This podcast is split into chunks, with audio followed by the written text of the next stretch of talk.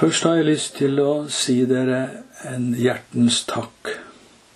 Jeg har hatt noen dager på sykehuset, og vi, og vel også legene, fryktet for at det kunne være alvorligere enn det viste seg å være.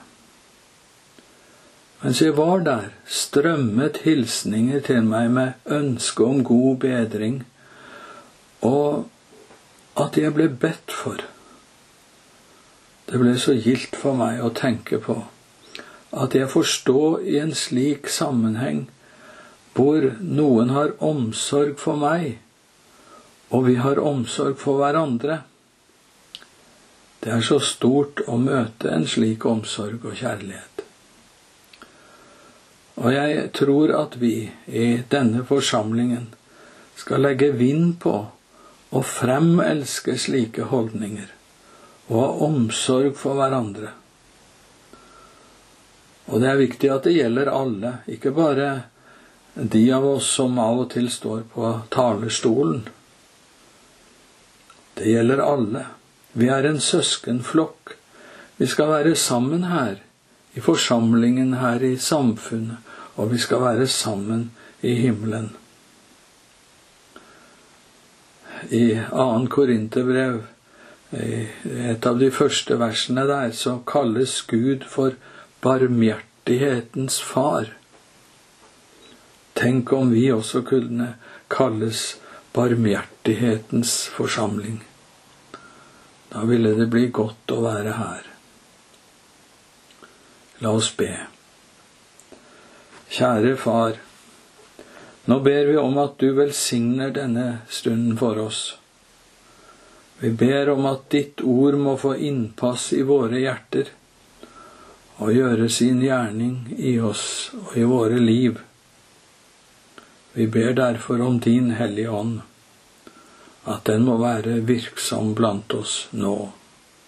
Amen. I dag handler teksten om Jesu fristelse. Vi skal lese fra Matteus sin gjengivelse, og han forteller det slik. Og vi begynner litt før det som er satt opp som tekst i dag, og litt før eh, det er, som er fortalt om Jesu fristelse. Og vi leser slik Matteus har skrevet det, uten mellomtitler og kapitteloppdeling og slik. Det står slik ifra Matteus 3, 16. Da Jesus var blitt døpt, steg han straks opp av vannet. Og se, himmelen åpnet seg for ham, og han så Guds ånd stige ned som en due og komme over ham. Og se, det lød en røst fra himmelen. Dette er min sønn, den elskede. I ham har jeg velbehag. Da ble Jesus av Ånden ført ut i ørkenen for å fristes av djevelen. Og da han hadde fastet i 40 dager og 40 netter, ble han til sist sulten. Vi stopper der foreløpig. Jesus var alene der ute i ørkenen. Han hadde ikke kalt disiplene enda, og hans offentlige tjeneste var ikke begynt. Det var ingen andre som hørte eller så det som foregikk der i ørkenen. Så Jesus må selv ha fortalt disiplene om det som hendte. Når vi leser det slik i sammenheng, så ser vi at både det som hendte ved Johannesdåpen, den synlige utrustning av Den hellige ånd, og kampen med djevelen var en forberedelse av den gjerningen som Jesus skulle utføre. Og det er faktisk Ånden, den ånd som steg ned over ham fra himmelen, det var den som førte Jesus ut i ørkenen for å fristes av djevelen. Ordet som fristes er oversatt fra, betyr også å prøves Teksten i dag gjør det naturlig også å tale om djevelen. Jesus møtte ham, og djevelen har også krysset dine og våre veier. Ordet djevel, på gresk diabolos, betyr anklager eller baktaler. Djevelen baktalte Gud Fader overfor Eva i paradishagen. Han påsto at Gud visste at å ete av den forbudte frukten, det ville ikke føre til døden, men til at øynene deres skulle åpnes og de skulle bli som Gud til å kjenne godt og ondt. Djevelen løy. Han baktalte Gud. Han hevdet at Skaperen hindret menneskets kunnskap og lykke. Slik har djevelen alltid vært, og slik er han også i dag, også overfor deg og meg. Jesus sier at djevelen var en drapsmann fra begynnelsen og står ikke i sannheten, for det er ikke sannhet i ham.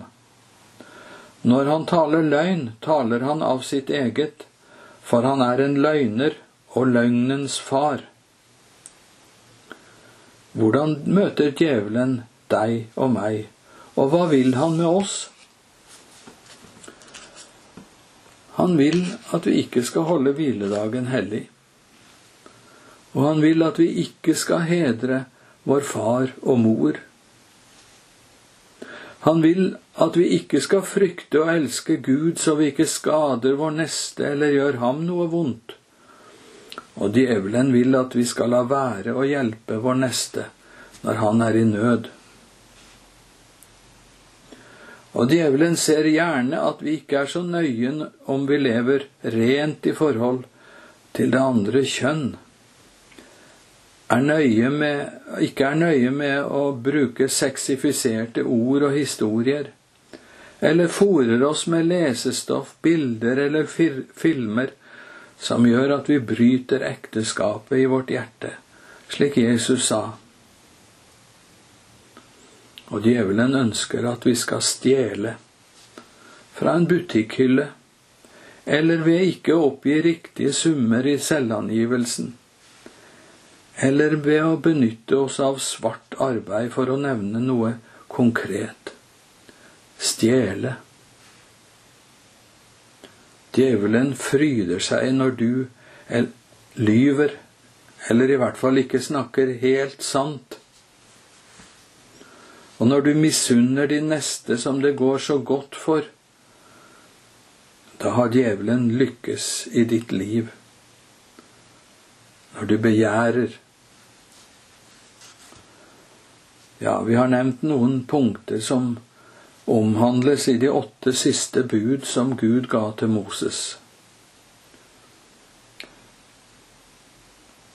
Men det viktigste djevelen arbeider med, er at du ikke skal frykte og elske Gud over alle ting og stole fullt og fast på ham.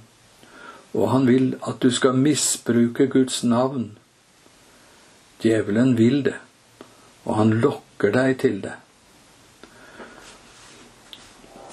Når Jesus taler om avgudsdyrkelse, så taler han svært ofte om mammon, den avguden som kanskje mer enn noe annet er farlig for oss. Penger, eiendom, ting og hva materielt det kan være. Og det gjelder nok enten mammon er stor eller liten. Jeg er Herren din Gud. Du skal ikke ha andre guder enn meg.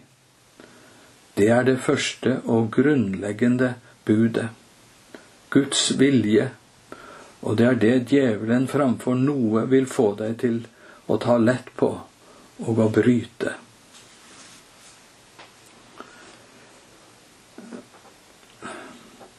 Er du Guds sønn, så si at disse steinene skal bli til brød, sa djevelen videre til Jesus. Men Jesus svarte og sa, Det står skrevet, mennesket lever ikke av brød alene, men av hvert ord som går ut av Guds munn. Når djevelen frister Jesus, så er det vel ikke slik at han taler om de budene som vi nevnte først, slik som drap, hor, løgn, stjeling og slikt. Nei, han forsøker å dra i tvil det Gud har sagt. Dette er min sønn den elskede, hadde det jo lytt fra himmelen etter Johannes dåpen. Nå kommer djevelen og sier, Er du Guds sønn? Han drar det Gud har sagt, i tvil, og det er noe djevelen gjør hele tiden. Djevelen vil ha deg til å mene at dine tanker, dine vurderinger, er mer pålitelige enn Guds ord. Ikke når det gjelder alle spørsmål, selvfølgelig. Ikke nå, i hvert fall. Djevelen er smart. Men på de feltene hvor kampen står til enhver tid, der sår han tvil om Guds ord. Og her vil han kjempe mer og mer aktivt jo nærmere vi kommer denne tidsalders ende. Det står et merkelig ord i 1. Korinterne 3,18. Her står det slik La ingen bedra seg selv. Hvis noen av dere regner seg for å være vis i denne verden, la ham da bli en dåre for at han kan bli vis. Et merkelig ord. Hva betyr det? Det verden regner for dårskap, dumhet, det er Guds ord. Det er det Gud sier. Så bli da en dåre, sier apostelen, en dumming i verdens øyne, så du kan bli vis. Og det gjør du ved å følge Guds ord. Det er den sanne visdom. Og kampen i dag står på så mange områder. Et menneske som jeg er glad i, levde lenge som samboer jeg tør ikke gifte meg, sa han, for folk skiller seg jo hele tiden, og det hadde ikke han lyst til å oppleve. Og det hadde han jo på mange måter rett i. Og på mange måter var det forståelig at han tenkte slik. Men det er ingen tvil om at Guds ord lærer oss at samboerskap er synd. Men djevelen sier, kan Gud virkelig mene det? Og det finnes vel menneskelige argumenter som ser ut til å kunne rettferdiggjøre det vi kaller samkjønnet ekteskap. Men Gud sier i sitt ord at de som lever slik, ikke skal arve Guds rike. Og Bibelen taler om at det er forskjell på tjenester som menn og kvinner skal ha i menigheten. Jeg har ikke noe vanske med å finne argumenter mot, et, mot det som Bibelen sier her. Og vi lever da i 2020, som det ofte sies. Men leser vi vår bibel, så står det noe annet der. Jeg har i den forbindelse ofte tenkt på Israel som ville ha en konge, slik som de andre landene hadde. Men Gud ville ikke det. Han ville selv være deres konge. Men så sier Herren til Samuel, profeten, lyd folket i alt det de sier til deg. For det er ikke deg de har forkastet, men det er meg de har forkastet så jeg ikke skal være konge over dem. Det sier altså Gud. Og Israel fikk konger. Noen av dem var til og med gudfryktige, fromme konger.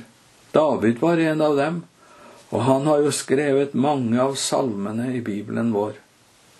Hvordan kan det rime med at Gud ikke ville at det skulle være slik? Men hvordan gikk det med Israel? Det gikk ikke godt. Jeg vet ikke om det er en god sammenligning, men jeg har ofte tenkt på dette. Og så har jeg tenkt på ordet som står i første Korinterne 10. Men alt dette hendte dem som forbilder, og det er skrevet til formaning for oss som de siste tider er kommet til. Etter at Jesus hadde avvist djevelens første fristelse, tar djevelen Jesus med seg opp på tempelets høyeste hjørne, og så siterer djevelen Salme 91, vers 11 og 12. For han skal gi sine engler befaling om deg, at de skal bevare deg på alle dine veier. De skal bære deg på hendene, så du ikke skal støte din fot på noen stein. Og så ville djevelen at Jesus skulle bekrefte dette ordet ved å kaste seg utfor tempelets øverste hjørne. Det er vel trolig at hadde Jesus gjort det, så ville han straks ha fått en stor skare som trodde på han, som fulgte ham, og som så på han som Messias.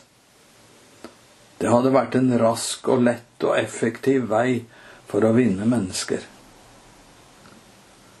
Men den lette veien som djevelen, verden, og også menneskenes egne tanker mener er den riktige måten å vinne mennesker på for himmelen, det er ikke den veien Jesus ville gå.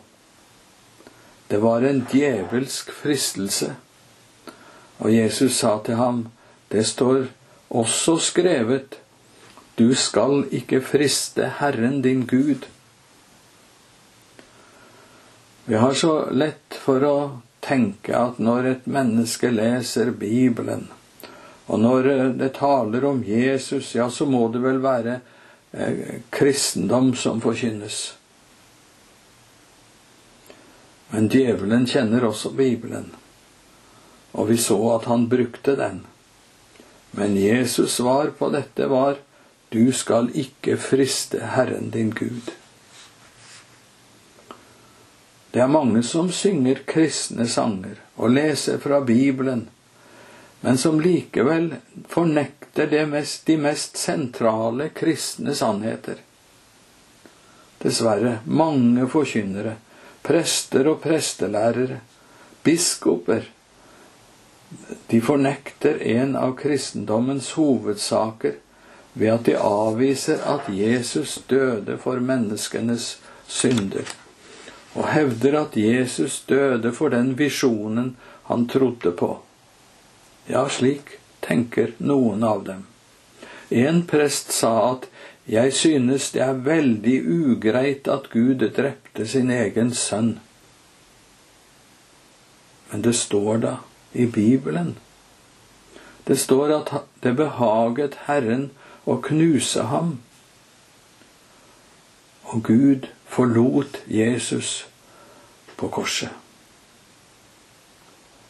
Det er ikke sikkert det er kristendom, selv om en taler fint om Jesus og tror at Jesus har levd og er et stort ideal, ja, kanskje det største som finnes. Djevelen tror også det. Så står det videre Igjen tok djevelen han med seg opp på et meget høyt fjell og viste ham alle verdens riker og deres herlighet. Og han sa til ham, Alt dette vil jeg gi deg, dersom du vil falle ned og tilbe meg. Da sa Jesus til ham, Bort fra meg, Satan, for det står skrevet, Herren din Gud skal du tilbe, og ham alene skal du tjene. Her avslører djevelen hva han egentlig har fristet med hele tiden. Valget er å lyde Herren Gud eller å lyde djevelen. Og her, og ofte ellers, kan det se ut som det enkle, det lette, det beste, det er å gå den veien djevelen peker på. Jesus fikk valget av djevelen mellom å bli verdens hersker ved å følge ham, eller å gå den veien Gud Herren hadde tegnet for ham. Den siste veien var ikke en lett vei. Den endte på Golgata. Det var en korsvei, lidelsens vei. Og Jesus valgte den. og ved det frelste han oss. En frelse for alle mennesker. Jesus valgte å gjøre Guds vilje, og denne vilje var uttrykt i Guds ord. Tenk om det som vi leser i denne teksten i dag, og som ellers Bibelen lærer oss, kunne gjøre oss livredde for djevelen og vårt eget kjøds syndige påvirkning på våre liv, både åndelig og ellers. For Satan ønsker at det skal gå deg og meg dårlig i livet. Fra ham kommer alt det som er ondt her i verden. Krigen, ondskapen, løgnen og falskheten, svik, utroskap, ja, døden. Han vil gjerne ødelegge gode relasjoner mellom mennesker også ekteskapet, og det prøver han å ødelegge. Jeg husker for lenge siden, det var vel omkring 1990, at det var en ung kvinne der jeg arbeidet som tidligere hadde vært knyttet til et satanistmiljø på Vestlandet. Nå var hun blitt en kristen. Jeg tror at det var i den forbindelse, altså med denne kvinnen, at jeg hørte fortalt at menneskene i satanistmiljøet ba til Satan om at djevelen måtte ødelegge de kristne ekteskapene. Kjære venner, la oss be om at Gud må bevare oss. At eh, vi som har en ektefelle, når vi har husandakt, for det har vi vel, da må vi be om at du og jeg og ektefellene våre må bli bevart i kjærligheten. I første Peters brev, det fjerde kapittel, vers åtte, så står det fremfor alt ha inderlig kjærlighet til hverandre. For kjærligheten skjuler en mengde synder. Legg merke til den siste setningen. Kjærligheten skjuler en mengde synder. Kjærligheten kan nok lyse opp den vi elsker med fine farger, men her lå vekten på noe annet. At kjærligheten skjuler en mengde synder. Det er kjærlighet. Og vi må be om at Gud gir oss mye av den og bevarer oss i den. For Satans har et mål med deg, også du som hører med i denne forsamlingen. Enten han kommer som en brølende løve og frister deg til umoral, løgn og ondskap, eller han kommer som en lysets engel og snakker om Jesus og siterer bibelord slik han gjorde da han fristet Jesus. Hans egentlige mål er alltid at du og jeg skal tilbringe evigheten med ham i fortapelsen. Derfor, kjære, kjære venner, la oss legge av alt som tynger, og synden som henger så fast ved oss, og løpe med tålmodighet i den kampen vi har foran oss, med blikket festet på Jesus, Han som er troens opphavsmann og fullender. For å oppnå den gleden som ventet ham, led han tålmodig korset, uten å akte vanæren, og har nå satt seg på høyre side av Guds trone. La oss følge etter Jesus, selv om det vil koste kors og vanære La oss følge ham og nå målet ved Guds trone, som det sto. Og så vil det nok likevel gå med oss på grunn av vårt svikefulle kjød og på grunn av djevelens aktivitet, så vil du og jeg falle i synd. Dessverre, oftere enn vi selv vet om, vil du og jeg gjøre mot Guds gode vilje.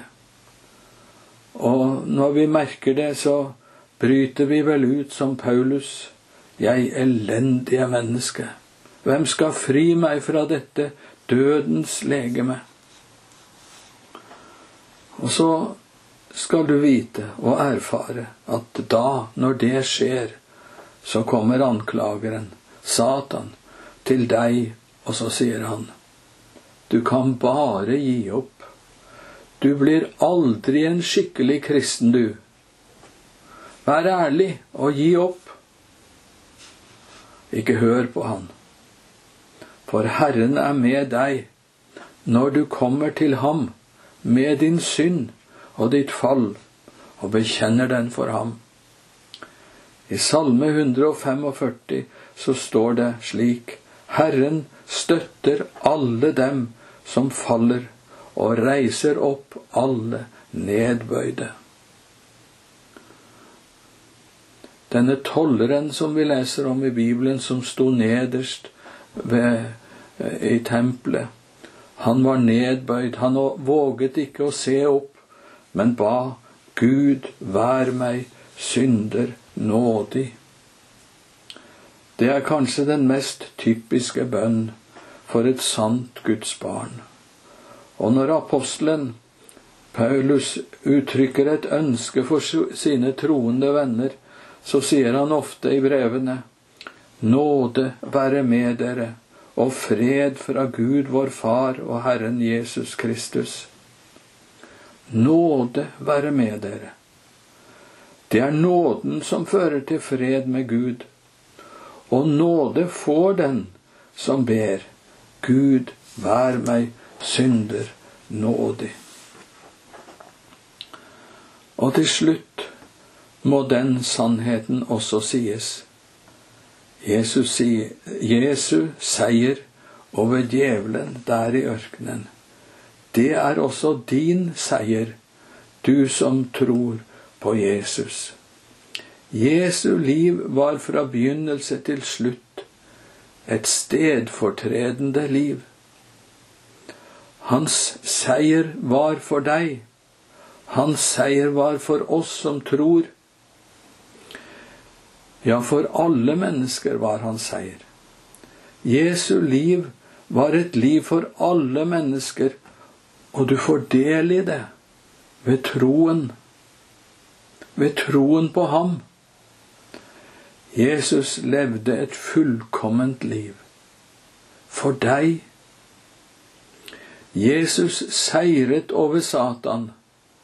For deg og han står for Gud som den som levde et liv som behaget Gud, og som den som seiret over all ondskap. Han står der for deg som din representant. Vi synger i et sangvers Jesus mørkets fyrste vant. Jeg den kjøpte frihet eier. Åpen har jeg himmelen funnet. Jesus vant, og jeg har vunnet. Amen.